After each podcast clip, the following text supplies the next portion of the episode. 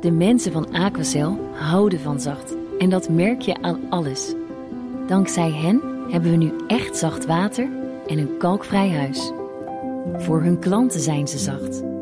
Dat zijn ze trouwens ook voor elkaar. Voor ons zijn zij de kracht van zacht. Aquacel. 100% zacht water, 100% kalkvrij. BNR Nieuwsradio. The Big Five. Diana Matroos. Welkom bij BNR's Big Five van de voedselpioniers. En die zijn hard nodig.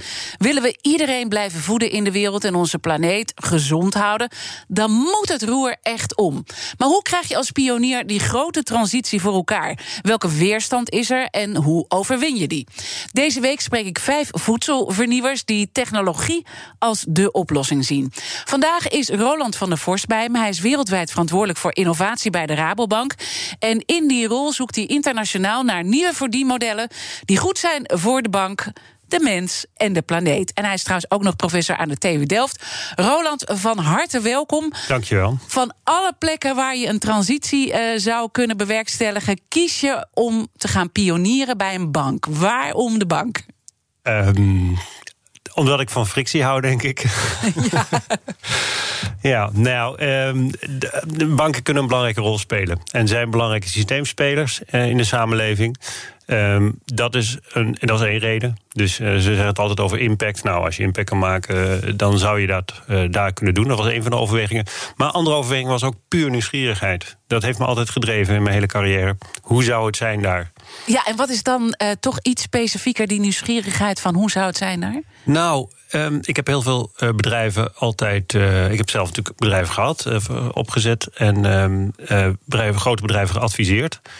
Um, hoe gaat het achter de schermen nou echt in zijn werk? Hoe, hoe wordt zo'n bank bestuurd? Hoe is het om uh, dingen voor elkaar te krijgen die misschien wat verder weg van die bank zitten? Wat voor mensen werken er? Uh, breed scala. Wat kun je, aan welke knoppen kun je draaien om iets voor elkaar te krijgen? Um, nou, dat zijn de vragen. Dat is eigenlijk een soort fundamentele nieuwsgierigheid. Ja. En kan ik daar een rol in spelen? Kan ik dat, en uiteindelijk wil je dus ook impact uh, maken. Ja. Want dat is ook heel erg belangrijk dat je zegt dan, dan toch uh, bij zo'n grote uh, speler. Is dat ook iets wat je hebt gemerkt in jouw Singapore-tijd, waar je nou, veel bedrijven hebt opgestart, dat het heel moeilijk is als je niet groot bent om die impact te maken? Ja, dat had ik daarvoor al. Maar ja. in Singapore zie je dat natuurlijk ook. Ja, um, uh, absoluut. Kijk, het voordeel van Singapore is dat ze een overheid hebben die heel strategisch denkt. Dus die, uh, die denkt gewoon van zichzelf al heel groot. He, daar heb je gewoon een maquette staan en zo staat uh, Singapore er over vijf of tien jaar uit en daar hebben we dit voor nodig. Dat is hier een stuk minder het geval. Maar dat grote denken, überhaupt in Azië, is dat veel meer aan de. dat heb ik daar wel gezien. En dat vond ik wel. dat is zeker iets wat ik hier. wat, wat me ook wel heeft gemotiveerd om, om te kijken of je hier ook iets groots kunt doen. Ja. En dan heb je dus uh, nieuwsgierigheid als drijfveer. Ja. Uh, je vindt die frictie vind je wel fijn, dat is ja. een drijfveer. Daar wil ik zeker nog meer over weten, want je komt natuurlijk veel frictie uh, tegen. hoop is voor jou ook een belangrijke drijfveer. Daar heb je ooit ook een boek over geschreven. en daar was een van jouw teksten: Zonder hoop geen zicht op een betere wereld. Als we kijken naar de grote uitdagingen, en deze week stellen we natuurlijk ook de voedseltransitie uh, centraal. Wat, wat kan hoop daarin betekenen? Um, als je, als, je iets wil als je iets wil bereiken wat moeilijk is, dan kom je, stoot je voortdurend je teen en loopt tegen allerlei barrières op. En wat hoop kan doen, is die barrières overwinnen en zien als een opstapje naar iets beters. Dat is wat hoop doet. Uh, hoop, uh, dat is wat Obama natuurlijk in 2007 heel mooi gezegd heeft. Dat is wat hoop kan doen. Het trekt je door de sleur heen op het moment dat het tegen zit. Omdat je omdat je, je verheugt op, op iets wat in de toekomst ligt. Dat is wat hoop doet. Dus het helpt je barrières Uh, om te gaan met barrières en tegenslagen. En, en, zijn we dan in Nederland toch een beetje, uh, en misschien ook wel internationaal, maar laten we het even, toch een beetje te negatief en weinig bezig met dat punt. Nou, ik, ik, terwijl je, terwijl je ja, zegt, ja. schiet me nog iets te binnen. En het houdt je ook, het houdt ook zicht op het grote geheel. Dat is denk ik heel belangrijk. Dus dat, je, dat merk ik nu bij, bij de bank ook. Als je iets initieert, iets innovatiefs initieert, voor je het weet ga je je tunnel in. Dan ga je allemaal, eh, zie je alleen nog maar datgene waar je mee bezig bent. Ermee aan. Maar het is heel belangrijk, waar doe ik het voor? Wat is het grotere verhaal? Wat is het grotere, wat is het grotere doel? En dat is wat hoop ook doet. Het schets je een toekomstperspectief altijd wat groter is dan uh, En het is niet negatief. Ik bedoel, we kunnen uh, natuurlijk over de voedseltransitie zeggen: als we het niet doen, dan krijgen we allemaal, allemaal problemen. Maar jij redeneert altijd dan vanuit hoop en juist niet vanuit die problemen? Ja, vanuit de mogelijkheden. Dat, doen we, dat zit gewoon denk ik een beetje in mijn aard. Ja. Kunnen we toch, kunnen we, kunnen we het, kan het toch niet, uh, kan het toch uh, wel. Dat is voortdurend toch iets wat, wat ik, ja, dat zit denk ik in je aard. Ja, het gevaar is natuurlijk dat je niet meer reëel bent. Ja. Nou, dat is ook een van de redenen waarom ik naar de bank ben gegaan. Om een beetje reëel te worden. Nou, dat is, dat is, ik, ik heb een dagelijkse reality check. Kijk, ik, je kunt natuurlijk prachtige verhalen bedenken. Maar als iets niet kan omdat de regulator het niet eh, toestaat... of omdat het gewoon simpelweg niet... Dat, je loopt voortdurend tegen problemen op. En dat heb je als ondernemer natuurlijk ook. Maar dat heb je bij een bank helemaal. Dus het is één grote reality check. En dat is, dat is alleen maar dat is goed. Kijk, ik vind het interessant hoe. Ik zit in de TU Delft ook bij, of, eh, bij ontwerpen. Dat is exact wat ontwerpers doen. Voor ontwerpers is elke, elke frictie een opstap naar iets nieuws. Kijk maar of het nou gaat iemand die Lego maakt of iets. Voortdurend loop je tegen fricties aan. En die, dat, dat is niet iets om te zeggen, oh vervelend. Ja, het is vervelend, maar het is eigenlijk een oplossing naar iets nieuws. Nou, en dat is iets wat ik dagelijks uh, heb. Ja, want dan komen we nu toch even dat jij die frictie ook zo fijn vindt. Ja. Uh, je wil impact maken en daarom toch naar zo'n grote speler toe. Hè? Dus niet meer in die start-up wereld, maar echt uh, impact maken via zo'n groot, nou ja, traditioneel bedrijf. Tegen welke fricties loop je aan? Nou, de eerste is al dat ik zo zelf opzoek. Ehm, dat is een hele belangrijke. Uh, kijk, en, en daar bedoel ik mee. Ik probeer, of ik, wij proberen, en ik geloof dat zo grote innovaties werken, tegengestelde, tegengestelde dingen tegelijkertijd realiseren. Dus en geld te verdienen voor de bank. Ja. Op een nieuwe manier. En tegelijkertijd goed voor de wereld. En tegelijkertijd bijvoorbeeld voor een kleine boer. Dus je probeert eigenlijk meerdere tegengestelde belangen tegelijkertijd te realiseren. Nou, daar, daar haal je al heel veel fricties mee op de, op de hals. Ja, want geef eens even een nou, voorbeeld. we, we, eh, zitten bij de Rabobank, ik zit met jou in de ruimte. Wat gebeurt er dan? Uh, nou ja, kijk, het, uh, bijvoorbeeld, nou, het begint altijd bij een vraag. Uh, bijvoorbeeld uh, nou, uh, 800 of 500 miljoen kleine boeren in de wereld. die zorgen voor 80% van, van voedsel. We gaan enorm. die moeten meer we moeten meer voedsel produceren omdat er meer mensen zijn. We moeten ook minder weggooien, maar we moeten meer voedsel produceren. Hoe kunnen we nou die kleine boer helpen om meer voedsel te produceren? En hoe kunnen we tegelijkertijd zorgen dat we daar ook geld aan verdienen? Want het kan niet alleen maar liefdadigheid zijn. Want het businessmodel van de bank staat ook onder druk. Nou, dan gaan we kijken en dan gaan we zoeken. Uh, kan technologie daarbij helpen? Vroeger was het zo dat als jij nou een lokaal kantoor. Waarom was Rabobank zo goed? Even klein. Waarom was vroeger Rabobank zo goed? Omdat we kenden iedereen in het dorp. Waardoor we heel makkelijk de, en het stad, waardoor we heel makkelijk de kredietwaardigheid van iemand konden vaststellen. Want we wisten dat de boer uh, met wie die deed en wie die daarvoor wat zijn vader deed. Dat maakt dus het vaststellen van kredietwaardigheid heel goed. Alleen het is heel kostbaar. Want je hebt allemaal mensen nodig die dat doen. Technologie kan dat, als dat kun je bij die kleine boer nooit doen. We kunnen moeilijk, uh, weet ik van 10.000 mensen naar die kleine boeren, want dat is niet te betalen. Dus kunnen we technologie gebruiken om de kredietwaardigheid van die kleine boeren vast te stellen. Bijvoorbeeld door te meten wat voor land ze hebben, door te kijken naar wat voor krop ze hebben. En kunnen we andere type informatie, waardoor we de kredietwaardigheid van die kleine boeren kunnen vaststellen. En als we dat kunnen doen, Mhm. Dan kunnen we ze ook financieren. Of dan kunnen we ze in contact brengen met Dus technologie is dan een heel belangrijk middel om alles uh, te binden. Maar ik wil toch, want daar wil ik veel meer over weten. En jullie hebben ook voorbeelden. Uh, en we hebben natuurlijk laatst ook in de actualiteit een voorbeeld uh, al gezien waar jullie mee komen. Maar toch even, je zit dan met allemaal andere spelers in zo'n ruimte. Ja. En dan hoe gaat dat gesprek van, ja, uh, Roland, leuk idee, uh, uh, doen we niet? Nou, je hebt bijvoorbeeld mensen in zo'n gesprek die zeggen... kleine boeren, fantastisch, dat gaan we doen. En we moeten dit allemaal voor ze doen. En dan hebben we iemand anders in de ruimte, of niet vaak niet in de ruimte... maar die zegt, ja, maar hallo, we moeten wel geld verdienen. en hoe ga, je die twee, hoe ga je die twee met elkaar verenigen? Dus het is vaak zo dat die verschillende mensen... verschillende perspectieven inbrengen... en die kun je alleen maar overbruggen met een idee. Daar ben ik ook heilig van overtuigd. dus je moet, we, kunnen alles in processen gooien. Maar uiteindelijk heb je, moet je al die mensen in een ruimte zetten.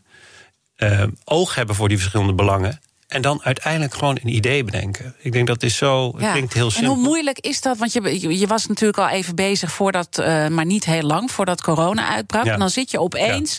ik bedoel, jij vloog de hele wereld over. En dan moet je dus nu gaan creëren, innovatief, in een heel complex verhaal.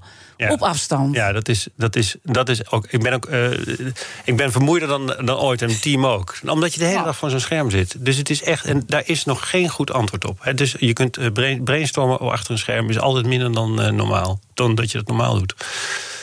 Dus wat je doet, is proberen de juiste vragen te stellen. Af en toe te gaan lopen met mensen dat is hoe ik het probeer te doen. Eh, maar het is suboptimaal. Het is echt suboptimaal. En dan heb ik het geluk dat ik elke week een column mag schrijven. Dus ik word uitgedaagd om ook telkens iets nieuws. Ik, word, ik daag mezelf voortdurend uit om iets nieuws te komen, om een open blik te houden. Want dat is denk ik wat het, het eerste ja. onder leidt. Hè? Dus hoe zorg je ervoor dat je een open blik uh, houdt? En coronatijd is dat moeilijk. En iedereen heeft zijn eigen strategie. Maar dat is waar ik het team ook echt op probeer te challengen. En wat ik ook doe, is ik probeer ander type denkers uh, te betrekken bij wat we doen. He, dus ik heb bijvoorbeeld uh, iemand die jarenlang voor Rem Koolhaas heeft gewerkt. Die, zit, die heb ik erbij gehaald. Uh, nou, die brengt een heel ander type denken in dan de bankier.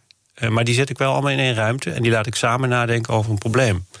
Dat werkt heel goed, want die bankiers vinden het leuk. En die, die, Ja, wat vinden ze het leuk? Want je, je bent zelf natuurlijk ook heel veelzijdig. Hè? Want je bent ook nog heel lang reclameman geweest. Ja. Dus je bent gewend om uh, verhalen te vertellen en in verhalen te denken. vinden ze dat altijd prettig, die bankiers? Nou, de, de, bankier bestaat natuurlijk niet. Nee, uh, ik denk dat er bepaalde. Er komen, denk ik, mensen op, uh, op af die daar al meer gevoelig voor zijn en dat leuk vinden. Ja, ik denk uiteindelijk. Ik, ik, maar, ik merk alleen maar dat, het, dat mensen dat heel erg prettig en leuk vinden. Dus er gaan nooit uh, um, stoelen door de ruimte van dit is echt, ben je helemaal gek geworden. Het is allemaal, iedereen vindt het allemaal hartstikke leuk. Nee, dat is zeker niet zo. okay. Alleen ze gooien niet met stoelen. Dat is nee. de enige. Nee, de, de, nogmaals, er is frictie genoeg. En mensen kijken wel eens glazig. Maar ja, weet je, uiteindelijk, we hebben één, je moet niet vergeten, we hebben één enorm voordeel. Namelijk, het gaat niet zo goed. Er is een enorme urgentie. Weet je, het is niet zo dat we met z'n allen gezellig uh, stickertjes aan het plakken zijn en misschien iets leuks gaan doen. Nee, er, is een, er zijn serieuze problemen. En dat helpt enorm. BNR Nieuwsradio. The Big Five. Diana Matroos. Deze week spreek ik vijf voedselpioniers. Later deze week ontvang ik nog Louise Fresco, bestuursvoorzitter van Wageningen University and Research. En mijn gast vandaag is Roland van der Voorst. Hij is hoofdinnovatie bij de Rabobank en daarbij wereldwijd verantwoordelijk voor uh, innovatie. En je zei, ja, eigenlijk is het een voordeel, want het gaat gewoon helemaal niet goed op dit moment. En ja. dat is een heel mooi uitgangspunt ja. om te innoveren. Uh, want neem ons nog even mee, wat is het grootste probleem nu voor een bank? Ook de Rabobank? Uh, er zijn een aantal problemen. De eerste, eerste is natuurlijk de lage rente.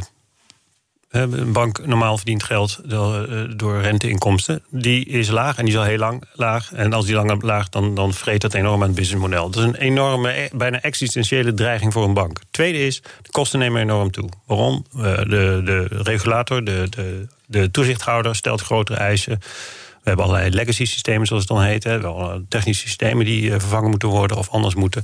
Dat is een tweede. Dus de kosten enorm toe, nemen enorm op. De, de, de inkomsten structureel naar beneden. Corona komt er overheen. Heel veel voorzieningen moeten treffen.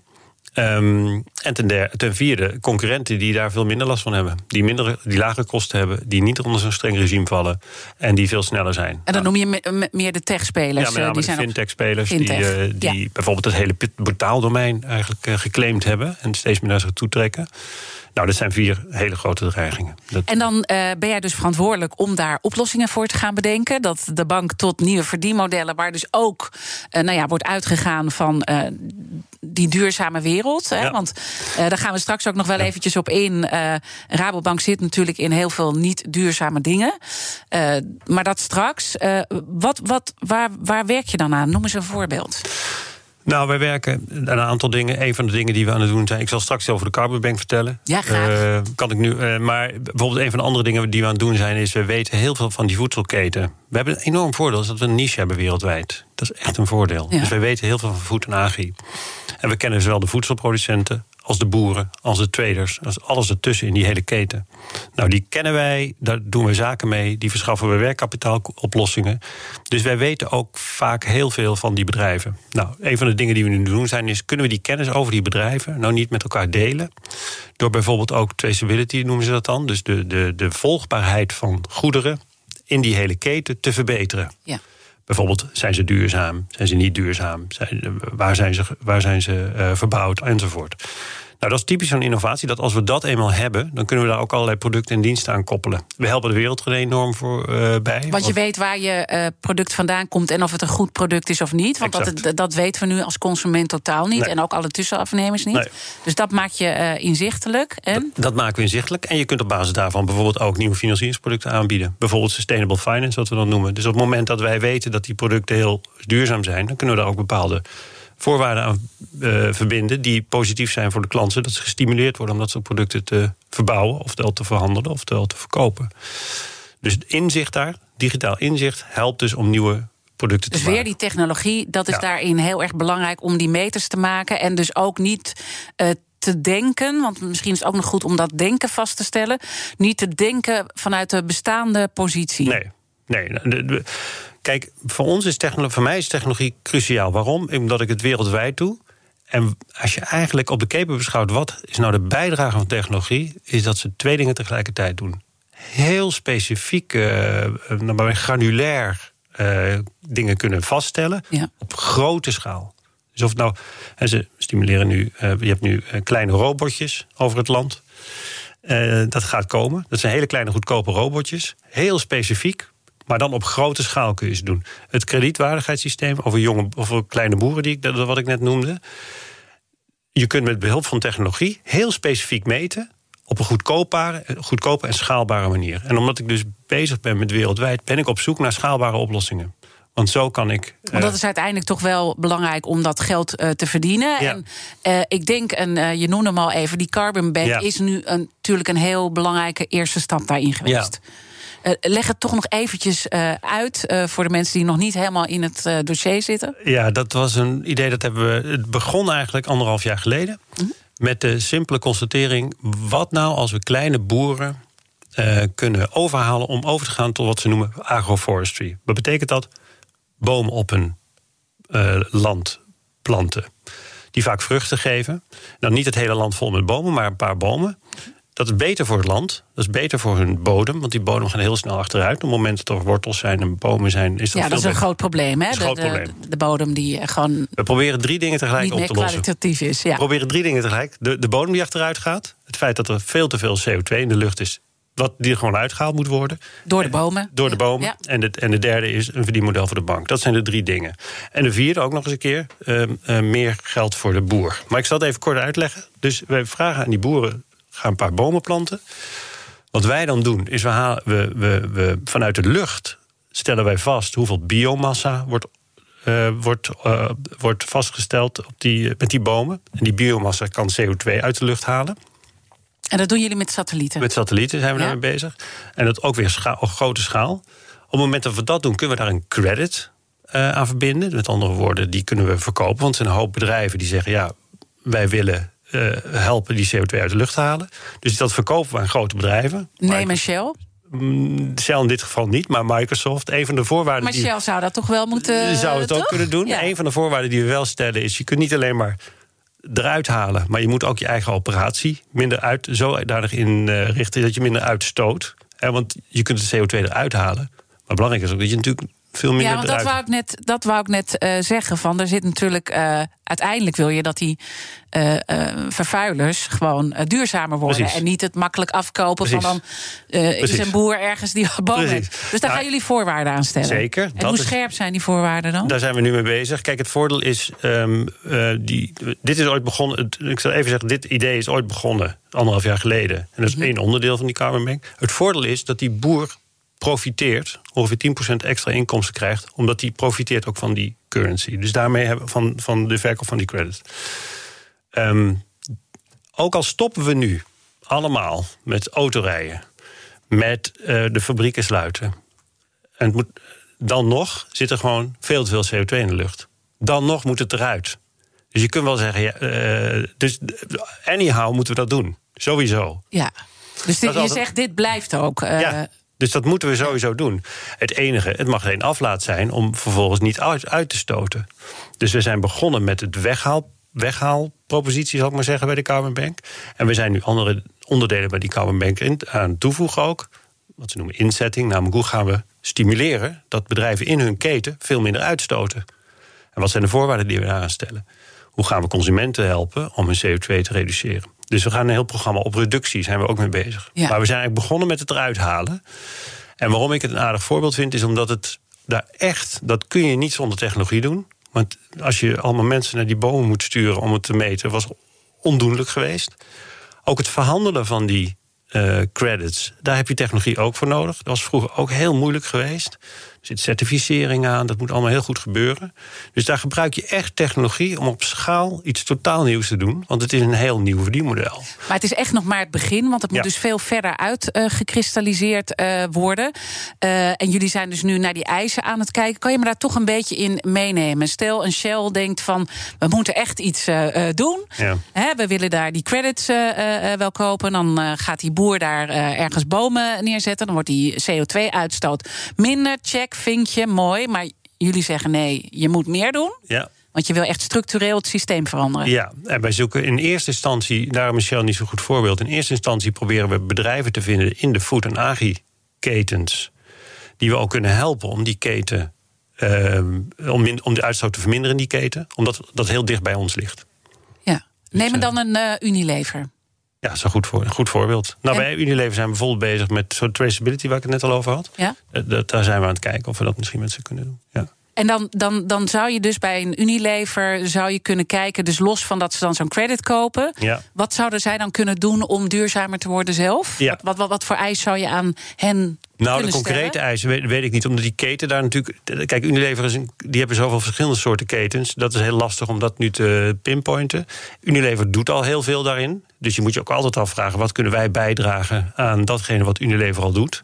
Dus het eerste wat wij doen is kijken wat doen bedrijven überhaupt. En dan vervolgens kijken, kunnen wij daar als bank iets aan bijdragen? En vaak doen we dat overigens ook met partners. Want weet je, wij zijn geen specialist in het schoner maken van ketens. Dus wij gebruiken er altijd andere partijen voor. Maar het, het, is dus niet zo dat jullie daar heel hard in gaan. Ik bedoel, je wil wel bepaalde eisen stellen aan zo'n grote partij. Van dat ze niet te makkelijk kunnen afkopen. Maar het is niet zo. Nou, weet je, denk daar even over na. Ja, is goed. Ja, heel goed. Dan kunnen we even de reclame voor gebruiken. Want uh, um, mijn gast vandaag in BNR's Big Five van de Voedselpioniers is Roland van der Vorst. Hoofdinnovatie Rabobank wereldwijd. En hij denkt dus ook na over die nieuwe verdienmodellen en hoe kunnen banken nog meer bijdragen aan verandering. En natuurlijk ook richting die boeren zelf. Want daar zit natuurlijk een heel belangrijk punt van de Rabobank. Tot snel. BNR Nieuwsradio.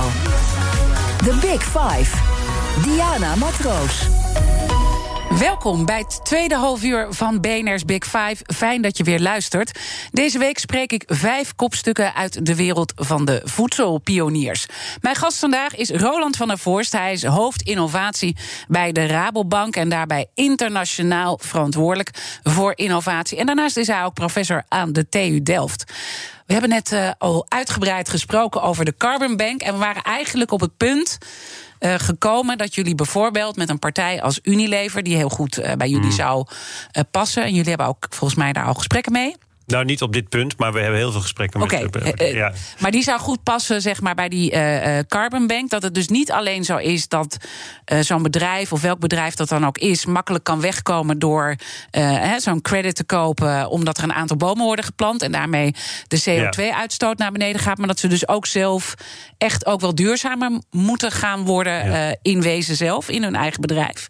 Hoe scherp wil je daarin zijn? Daar waren we gebleven. Daar waren we gebleven. Nou, kijk, de, wij zijn we zijn anderhalf jaar geleden, anderhalf jaar geleden was, het, was het een idee. Nu uh, hebben we net de eerste credits verkocht. Um, ik heb met name, om heel eerlijk te zijn, met name op de productie van credits ge, uh, ja. gericht. Want dat is namelijk echt super complex om dat gewoon goed werkend te krijgen. Er is vraag genoeg. Dat is één groot voordeel. Die CO2-prijs gaat alleen maar omhoog. Dus er is vraag genoeg. Wat precies de voorwaarden zijn over wanneer ik wat ik aan wie ga verkopen, heb ik nog niet scherp. Nee, Simpelweg de schoenmaker blijft bij je leven. Nou ja, ik, heb het, ik, bedoel, dat gaat zeker gebeuren. En ook, wat is de relatie met het, terug, met het, uh, het stimuleren van, uh, van uh, het, minder, het uitstootvermindering? Dat, dat is Barbara begint, Barbara Baarsma, die begint 1 maart als de baas van de Carbon Bank. En deze innovatie wordt daar een hele belangrijk onderdeel van. Die andere uh, ongetwijfeld ook. En daar gaat ze, denk ik, als ik weet, daar heel goed over nadenken. En dan, uh, ja, dus dat komt. Dat, dat, uh, dat, dat, volgt. Ja. maar had je toch wel even een vreugdedansje dat dit er doorheen ja, was? Was het toch een beetje jouw. Want, want hoe is dat in jouw hoofd ooit begonnen? Nou, wij hadden in. Dus anderhalf, ik zat er net. Ik ben nu bijna twee jaar bij de bank. Kreeg een van mijn collega's had een artikeltje over uh, hoe je satelliet, een wetenschappelijk artikel over hoe je satellietdata kunt gebruiken om biomassa te meten. En dat lazen we en toen dacht ik, hé, hey, wacht even. En toen kwamen een aantal dingen bij elkaar. En dat is, dat is volgens mij hoe die dingen werken. Er, komt, hé, hey, bij eh, agroforestry... er komen gewoon een aantal dingen bij elkaar... en op een gegeven moment is er een idee. En dat ontstaat als de sfeer goed is... als mensen elkaar vertrouwen, als het een veilige omgeving is... als mensen uh, naar elkaar luisteren en ook durven. En dan, maar dat weet ik mijn hele carrière zo. Ik, ik ben begonnen met reclame. Weet je, ik stuur op cultuur. Het gaat gewoon 200% om de mensen, om de cultuur die je hebt. En is er een veilige omgeving waar mensen elkaar aan, durven spreken, maar waar het ook leuk is om iets nieuws te bedenken. En dus te denken ook uh, vanuit dat. Uh, positieve perspectief. Want anders dan ga je zelf ingraven, want dan, dan, dan kom je er helemaal niet meer uit. Dus je moet vanuit die hoop moet je dingen formuleren. Ja, en vanuit het idee. Kijk, iets maken is het leukste wat er is. Geloof ik echt. Of het nou wat het ook is. Dus iets bedenken, die positieve energie van iets bedenken, dat vindt iedereen leuk. Echt, dat geloof ik echt. Ja. Nou, daar moet je ook op, op, op, dat moet je ook stimuleren. En, en, en, dus al die verschillende mensen binnenhalen. Juist niet de bankmensen. Hè, die, ook. Maar bij de bankmensen nou, een ook. Goed voorbeeld. Hè? Even, Toch even een goed voorbeeld. We hebben daar zoveel super slimme mensen. Dus ik heb bijvoorbeeld uit de marketsomgeving hele slimme mensen. Die hebben, die hebben aan dit idee meegedacht. Die hebben ook echt nagedacht. Hoe kun je nou dit soort dingen verhandelen? Ja, Wat dus is je betrekt die bankiers er ook bij. Die zijn heel belangrijk. Maar ook dus die andere, perspectieven ja. uh, superbelangrijk. Maar. Ja. Uh, we zijn er nog niet, natuurlijk. Hè? Want we gaan nu eventjes nog even de grote uh, wereldproblemen bespreken. En ook de problemen in Nederland. En laat ik maar meteen even mijn gast van gisteren erbij pakken. Meini Prins, CEO van Priva. Ook uh, heel erg met technologie bezig. Maar dan vanuit uh, de tuinbouw. Daar heeft ze een heel verhaal bij. Maar ze zet zich ook heel erg in voor duurzaamheid wereldwijd. En zij had in dat verband een, deze vraag aan jou. Wat gebeurt er nu als we definitief stoppen met het subsidiëren van onze fossiele industrie en de landbouw. En beginnen met true pricing, zoals dat heet. Prijzen op bijvoorbeeld voedsel, inclusief de ecologische en de sociale kosten. Supergoeie vraag. Kijk, waar, dat is natuurlijk waar ik me ook voortdurend mee bezig hou. Aan welke knop kan ik draaien om het meeste uh, impact te hebben? Je kunt aan drie knoppen draaien. Je kunt ofwel zeggen, weet je wat, ik ga het aan de aanbodkant doen. Dus met name zorg, Kees Kruidhof, ik zorg er gewoon, ook uh, hier in het programma, ik zorg ervoor dat ik plant-based ga stimuleren. Je kunt ertussen gaan zitten en zeggen: hoe kan ik dat systeem nou zodanig doen dat we bijvoorbeeld de duurzame dingen kunnen meten? Dus uh, we kunnen het systeem zelf uh, tussen aanbod en vraag veranderen. En de laatste is: hoe kunnen we de vraag veranderen? Hoe kunnen we zorgen dat consumenten zich anders gaan gedragen? En daar is prijs een belangrijke bij. Ik denk, ik vind het uiteindelijk zal dat de grootste impact hebben als wij in staat zijn om tool pricing door te voeren, heeft dat gigantische consequenties. En dat zou echt een break, breakthrough, zeg maar, zou, zou echt een doorbraak zijn in het hele systeem. Dus daar ben ik heel groot voorstander van. Maar, nou, maar, nou ja. maar nu komen we bij de frictie. Nou komen we bij de frictie. Ja. Ik wil één ding dan nog zeggen. Daar is het bijvoorbeeld heel belangrijk voor dat we traceability hebben. Dus waarom zitten wij die, die volgbaarheid. Uh, dus dat je weet waar, waar dat stukje vlees of wat dan ook vandaan komt. Hè? Precies. Hoe zorg je ervoor dat je En hoe gezond dat is. Precies. Ja. Want je kunt pas true pricing doen als je weet waar dat product naartoe uh, vandaan komt, hoe het vervoerd is enzovoort. Ja. Daarom zetten we daar ook hoog op in.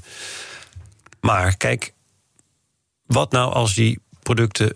Die worden echt. Er is in Amsterdam een winkel die dit doet, hè? Um, die worden fix duurder, fors duurder.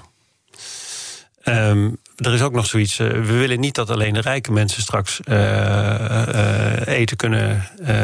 dit soort goed eten kunnen krijgen. We willen dat ook dat door alle lagen van de bevolking gebeurt. Dus ja, ik ben heel groot voorstander daarvan. Maar dit kan niet anders dan. Dit kan het bedrijfsleven niet alleen. Hier moet de overheid ook echt een standpunt op innemen om die negatieve gevolgen uh, tegen te gaan, maar ook ervoor te zorgen Want je dat wil eigenlijk, hè, we hebben nu natuurlijk al een, een, een, probleem als het gaat om de kloof arm-rijk. Dat, dat gaat ook een belangrijk politiek punt worden, natuurlijk ook uh, richting de verkiezingen. Dat op het moment dat je dat true pricing gaat doorvoeren, nu betalen we gewoon echt te weinig voor ons voedsel, dan krijg je gewoon een, een probleem. Want dan uh, de, de, onderkant van de samenleving, wat ik altijd een vervelend woord ja. vind, maar om het duidelijk te maken, die krijgt dan nog meer problemen. Ja. Dus je moet daar heel goed. Kijk, wat gebeurde bij corona? Het is heel interessant wat er in Amerika gebeurde bij corona. Twee groepen werden, twee uh, productgroepen werden gigantisch, uh, deed ontzettend goed. Het goedkope eten, Mhm. Echt uh, werd ineens, uh, is goedkoper, uh, ja, dat ging door het dak. En de, de, de, zeg maar even het hele goede, het wat duurdere eten. En dat is precies wat er gebeurt. Dus je moet ook rekening houden met wat, de sociale, wat, wat zijn de sociale gevolgen van dit soort maatregelen. Maar nogmaals, het is, kijk, als je aan die kant kunt sleutelen, is het ja, wat, zou, als je dan hebt, eh, want ik wil ook straks toch nog even over die verantwoordelijkheid van de bedrijven uh, praten. Want ik denk dat daar toch ook nog wel een mogelijkheid ligt. Maar als, als je dan even kijkt naar de overheid, uh, wat, wat zou die kunnen doen om dan uh, richting die true pricing te komen? Nou, nou bijvoorbeeld uh, uh, verplicht stellen dat dat, dat, dat dat inzichtelijk wordt. Daar begint het al mee. Dat is nu niet zo. Inzichtelijk waar het product vandaan komt. Dat, hè? dat, dat, dat volgen van die hele keten. Ja, en de prijsvorming daar ook. Uh, dat die daar ook. De, de overheid kan zeggen: Weet je wat, de, prijsvorm, de prijsvorming moet een, moet een belichaming zijn van de werkelijke kosten. Uh, ook milieukosten. Daar kan de overheid een belangrijke rol in spelen. Ik wil niet alles op de overheid afschrijven hoor. Mm -hmm. Maar dus je hebt, je hebt dit soort, bij dit soort grote systeemveranderingen heb je en het bedrijfsleven, maar ook de overheid nodig. En als je dan uh, uh, die overheid op de, als die zou gaan sturen, ook op die werkelijke kosten en daar dus ook die duurzaamheid ja, als een soort strafpunten natuurlijk ja. gaat meenemen, ja. dan heeft de Rabobank natuurlijk wel ook een probleem. Dat is maar de vraag. Kijk, ik weet, waar je naar, ik weet absoluut waar je naar. Eh, ja, naar, we hebben ook allemaal een Zimla-uitzending gezien. Precies, we hebben we al gezien. Ja. ja, en dan toch eventjes. Um, ik, ik, ik heb ergens hier het cijfer staan als het gaat om uh, uh, pesticiden. Uh, de Rabobank heeft volgens Greenpeace-econoom. die daarin wordt opgevoerd, meer dan een miljard geïnvesteerd in pesticiden en bestrijdingsmiddelen. Ja. en die zijn natuurlijk mede verantwoordelijk voor de uitputting van de grond. Dus op het moment dat je op dat soort posten ook gaat sturen, dat is natuurlijk ook het probleem waar een Rabobank en al die uh, ja. banken en bedrijven in zitten. Kijk, 100 jaar geleden was er een tekort aan financieel kapitaal en een overschot aan uh, natuurlijk kapitaal. Nu is het precies andersom. Er is een overschot aan kapitaal, financieel kapitaal. Dat is ook een van de redenen waarom die rente zo laag is. En er is een tekort aan natuurlijk kapitaal. Dat betekent fundamenteel dat een bank anders moet gaan denken. Bijvoorbeeld een currency moet maken op het gebied van groen, een groene currency moet maken, wat zo'n carbon credit bijvoorbeeld is. Maar we hebben wel een verantwoordelijkheid daar. Kijk, um, um, um, we hebben en een verantwoordelijkheid om te zorgen dat die transitie komt, ook in Nederland. Uh, juist in Nederland, denk ik. Maar we hebben ook een verantwoordelijkheid voor die boeren die we jarenlang ook gesteund hebben. En dat is een, dat is een balans die we moeten trekken. Maar ga er maar vanuit dat iedereen in de. Ik bedoel, het gaat echt alleen maar op het ogenblik over hoe kunnen we de boel. Nou, ik wil niet zeggen alleen maar, maar het is echt. De bank is doordrongen van het feit dat het duurzamer moet en dat we ook uh, daarop moeten sturen. En dan zijn er. En de vraag is dan: wat kun je dan doen als -hmm. bank om dat te doen? Kijk, vanuit mijn perspectief twee dingen. Zelf innoveren, hebben we het net over gehad. En het financieren van innovatie. Ja. Nou, hoe ga je financieren, innovatie financieren? Nou, door direct investments. Bijvoorbeeld bij Kees Kruidhof. Daar investeren we gewoon in. Dus we in de goede dingen investeren en daar gewoon ook direct, uh, direct geld in stoppen. De tweede is de, uh, de voorwaarden voor leningen aanpassen. En uh, daarmee boeren stimuleren om over te gaan tot betere praktijken. Want dat is natuurlijk, en dit werd trouwens ook er, erkend door de directeur van Rabobank. als het gaat om de duurzame ja. tak. Hè, die zei van wij zijn ook mede verantwoordelijk voor de, de boeren, hoe die ja. in de situatie zijn gekomen ja. waar we nu allemaal in zitten. Hij zei overigens, we zijn niet schuldig, maar mede verantwoordelijk. Dat, dat was een, een, een interessante woordenwisseling. Ehm, dus, maar die, die verantwoordelijkheid zien jullie ook om het op te lossen. Want nu is het uh, systeem zo ingericht, en dat is ook wat Mijnie Prins uh, aangeeft. Als boeren willen veranderen, dat ze dus eigenlijk niet de financiering krijgen Ja. om te innoveren. Ja. En dan blijf je dus in een padstelling zitten met elkaar. Ja, het is niet zo dat boeren. Het is niet zo dat ze helemaal geen financiering krijgen Nee. om te verduurzamen. Dus dat ligt echt genuanceerder. En wij zijn er. Ik bedoel, ik spreek niet voor de Nederlandse situatie. Dat, dat weet je, dat is voor mij lastig. Omdat ik, Nee, je bent daar- internationaal, eh, met name bezig, ja. Nou, en daar is de uitdaging ook groot hoor. Want dan praat je over enorm grote boeren. Ehm, ehm, dus ehm, wij, wij zijn wel degelijk bezig met het, met het stimuleren van, eh, van ehm, dit soort praktijken door eh, andere voorwaarden aan financiering te stellen. Ja. Dat betekent niet dat altijd iedereen geholpen is. Wij moeten ook, eh, wij moeten ook heel, ja, zo simpel is het. Wij moeten ook heel omzichtig omgaan met het kapitaal dat we verschaffen. En wa- wat dat, wat dat is natuurlijk wat we met elkaar, want dan kom je toch weer bij de overheid en de toezichthouders. Ik bedoel, we hebben met elkaar allemaal gecreëerd eh, dat we eh, allemaal risicoprofielen hebben en dat alles Nou gericht ik- is op controle. Ja, nou kijk, ja, dat, dat. Maar kijk, we controleren op de verkeerde manier. Bijvoorbeeld, een van de interessante dingen waar we mee bezig zijn in Nederland is de bodemindex. Hè. Waar zie je dat dat natuurlijk kapitaal waar ik het net over had, eh, afneemt? In de bodem. Dus als je zicht hebt op de bodem, op de, hoe duurzaam, hoe goed die bodem is, ehm, eh, kun je ook dingen veranderen. Daar keken we vroeger natuurlijk nooit naar. Of nauwelijks. Dat speelde ook helemaal geen rol in, on- in, in, in, in, in, het, in het besluitvormingsproces. Nu is het dat we dat actief stimuleren. Dus kunnen wij eh, nadenken, kunnen wij het inzicht in de bodem vergroten? Want als we dat weten, weten we ook wat we moeten doen om ervoor te zorgen dat die bodem. dus je moet eerst inzichtelijk maken Ja. om eh, te sturen. Maar ik, je zit toch in de squeeze van die risicoprofielen en, en de toezichthouding eh, daarop. Absoluut. Laten we daar dan eh, Ja, straks goed. over verder BNR Nieuwsradio. The Big Five. Diana Matroos. Je luistert naar BNR's Big Five van de voedselpioniers. Mijn gast is Roland van der Vorst, Head of Innovation bij de Rabobank. Eh, en we hebben net eh, met elkaar vastgesteld om echt tot die transitie te komen, ook die voedseltransitie, moet je beginnen om eerst alles goed in kaart te hebben van nou ja, waar, je, waar je fout zit en waar, en waar, en waar het goede in zit. Ja. Zowel voor de consument, maar dus ook voor de bank eh, zelf. En voor alle banken, hè, want ik bedoel, iedereen zit natuurlijk in die pesticiden en al Ja. dat soort dingen. En dan kan je daar ook eh, eh, meer eh, op sturen. Maar wat is er nog meer nodig om hier uit te komen? Want het grote probleem, en dat was ook de frustratie eh gisteren van Meini Prins, is dat we. Eh, alle belangen toch nog in de oude wereld zitten. En de politiek daar ook heel erg op eh, gericht is nog. En iedereen wil dat in stand houden. En we zien allemaal. eh, we moeten echt snel veranderen. Want er komen zoveel trends nu bij elkaar. Die transitie moet er komen, ook als het gaat om die voedseltransitie. Wat moet er dan nog meer gebeuren om daar echt die beweging in te krijgen? Nou ja, het begint natuurlijk bij het besef dat het echt heel. Dat, ja, het klinkt stom, dat het heel urgent is. Ik denk niet dat het, dat het besef overal hetzelfde is. Dus daar begint het echt mee. Blijven vertellen, ook eh, toch wel even de politiek. Blijf gewoon dat besef. eh, Ja, want mis je het besef toch nog bij de politiek? Ja, bij bepaalde Nou partijen ja, natuurlijk voorbeeld, niet. Maar... als je ziet wat voor krankzinnige bedragen er nu in de corona... en terecht hè, worden gestopt. Nou, als we dat in het, in het klimaat hadden gestopt, dan was het probleem weg. Nou, het probleem was niet weg, maar dan hadden we het echt behoorlijk kunnen oplossen. Want wat, waar had jij het eh, vanuit jouw internationale ervaring? Je helpt natuurlijk die boeren, hè, natuurlijk. Ja. Eh, maar als je, eh, als je dan even kijkt, wat had het kabinet nu kunnen doen? Heel concreet. Nou, allereerst, je bedoelt als we dat geld van de corona hadden Ja. ter beschikking hadden. Ja, Ja. Nou, dan, allereerst hebben we visie over hoe je Nederland gaat verduurzamen. En daar bedoel ik mee, niet alleen voedsel, maar hoe houdt voedsel.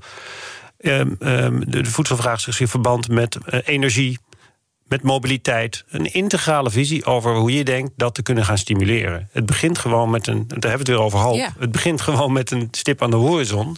waarin je systemisch denkt. Dus denkt over. Nou, de systeemprobleem Ja. laat zich alleen maar systemisch oplossen. En dat komt er eh, maar niet eh, Nee. in de breedte. En wat is dat dan? Is dat gewoon dat vastzitten in dat oude verhaal? In die eh, traditionele Ja, eh, economische ja. belangen? Ja, en het is ook moeilijk om. Het is ook ingewikkeld, laten we wel wezen. Maar het heeft in eerste instantie ook te maken met bestaande belangen. Het heeft te maken met uh, de durf en het lef om. Ja, visie is een eng woord in Nederland. Ja, zolang je het een eng woord uh, blijft vinden, dan uh, gaat het. Komt hij niet? Ja, kijk, toch even zo'n klein voorbeeldje van de Carbon Bank. Dat begint wel met een visie, met een idee van zo zou het kunnen zijn. Ja, daar, dat doen ondernemers denk ik goed, of wetenschappers zijn er goed in. Nou, dat, moet, dat zou je van de politiek ook verwachten. Ja, en je ziet natuurlijk politiek en ook in onze samenleving dat extreme in het debat uh, de overhand hebben. Ja. Ligt de oplossing om meer te luisteren naar de middengroepen in Nederland, uh, die veel groter vertegenwoordigd zijn, die best bereid zijn om kleine stappen in die transitie te zetten en daar ook offers voor te brengen? Dat zou, dat zou enorm helpen. Ja, heel ja. erg. Nee, sorry, ja, ik kan alleen maar zeggen ja. ja. Ik denk dat, dat het enorm helpt. Want ik denk dat uh, 80% van de mensen ook echt wel wil. Uh, en probeer daar een visie op te realiseren. En probeer ook, ja, kijk, er is nog een andere ding wat misschien wel haakt over die controle waar je het over had. Ja, wat, die toezichthouders ja. en die risicoprofielen waar jullie in vastzitten. Ja. En dat hebben we met allemaal goede bedoelingen ooit bedacht. Maar, maar er is ook zoiets als uh, wat ik noem ongeorganiseerde verantwoordelijkheid. Ja, dat noem ik niet zo. Dat is Ulrich Bekkers, een socioloog, heeft dat ooit. Dat vind ik een heel mooi begrip. Ja. Dus we kunnen heel veel in regels vatten. Dat moeten we ook vooral doen, want dat heeft wel echt zin. En dat moet ook.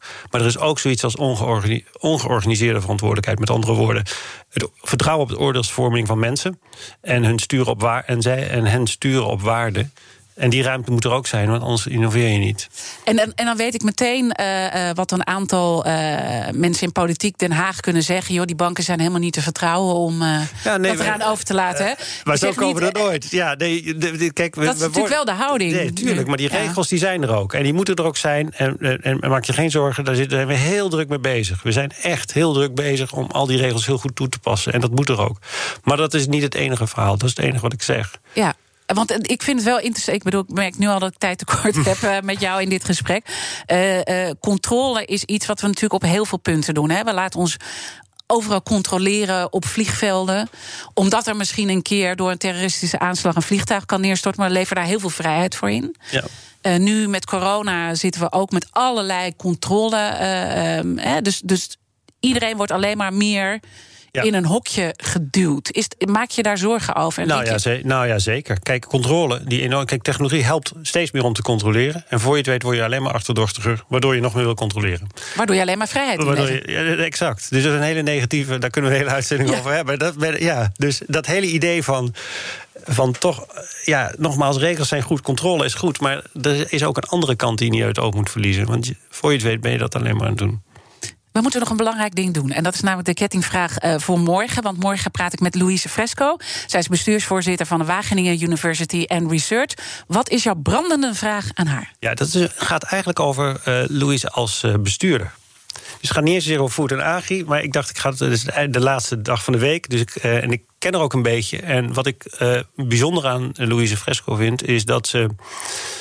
Um, blijk geeft van een grote culturele hoe zou ik zeggen, uh, interesse. Ze noemt zich als columnist, ook schrijver. En dan pas. Dus uh, tegelijkertijd is ze wetenschapper en bestuurder. Dus mijn vraag is eigenlijk, zou zijn aan haar: hoe helpt het? hoe helpt je hele culturele belangstelling je eigenlijk als bestuurder in een technische omgeving?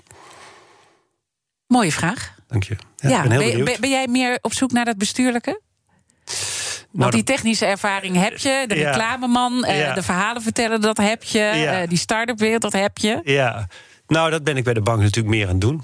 Ja. Uh, en ik heb, ben bij de, bij de Sociaal Cultureel Planbureau heb ik in de, ben ik voorzitter geweest van de, van de begeleidingscommissie, van de Raad van Toezicht. Daar heb ik heel veel plezier aan beleefd.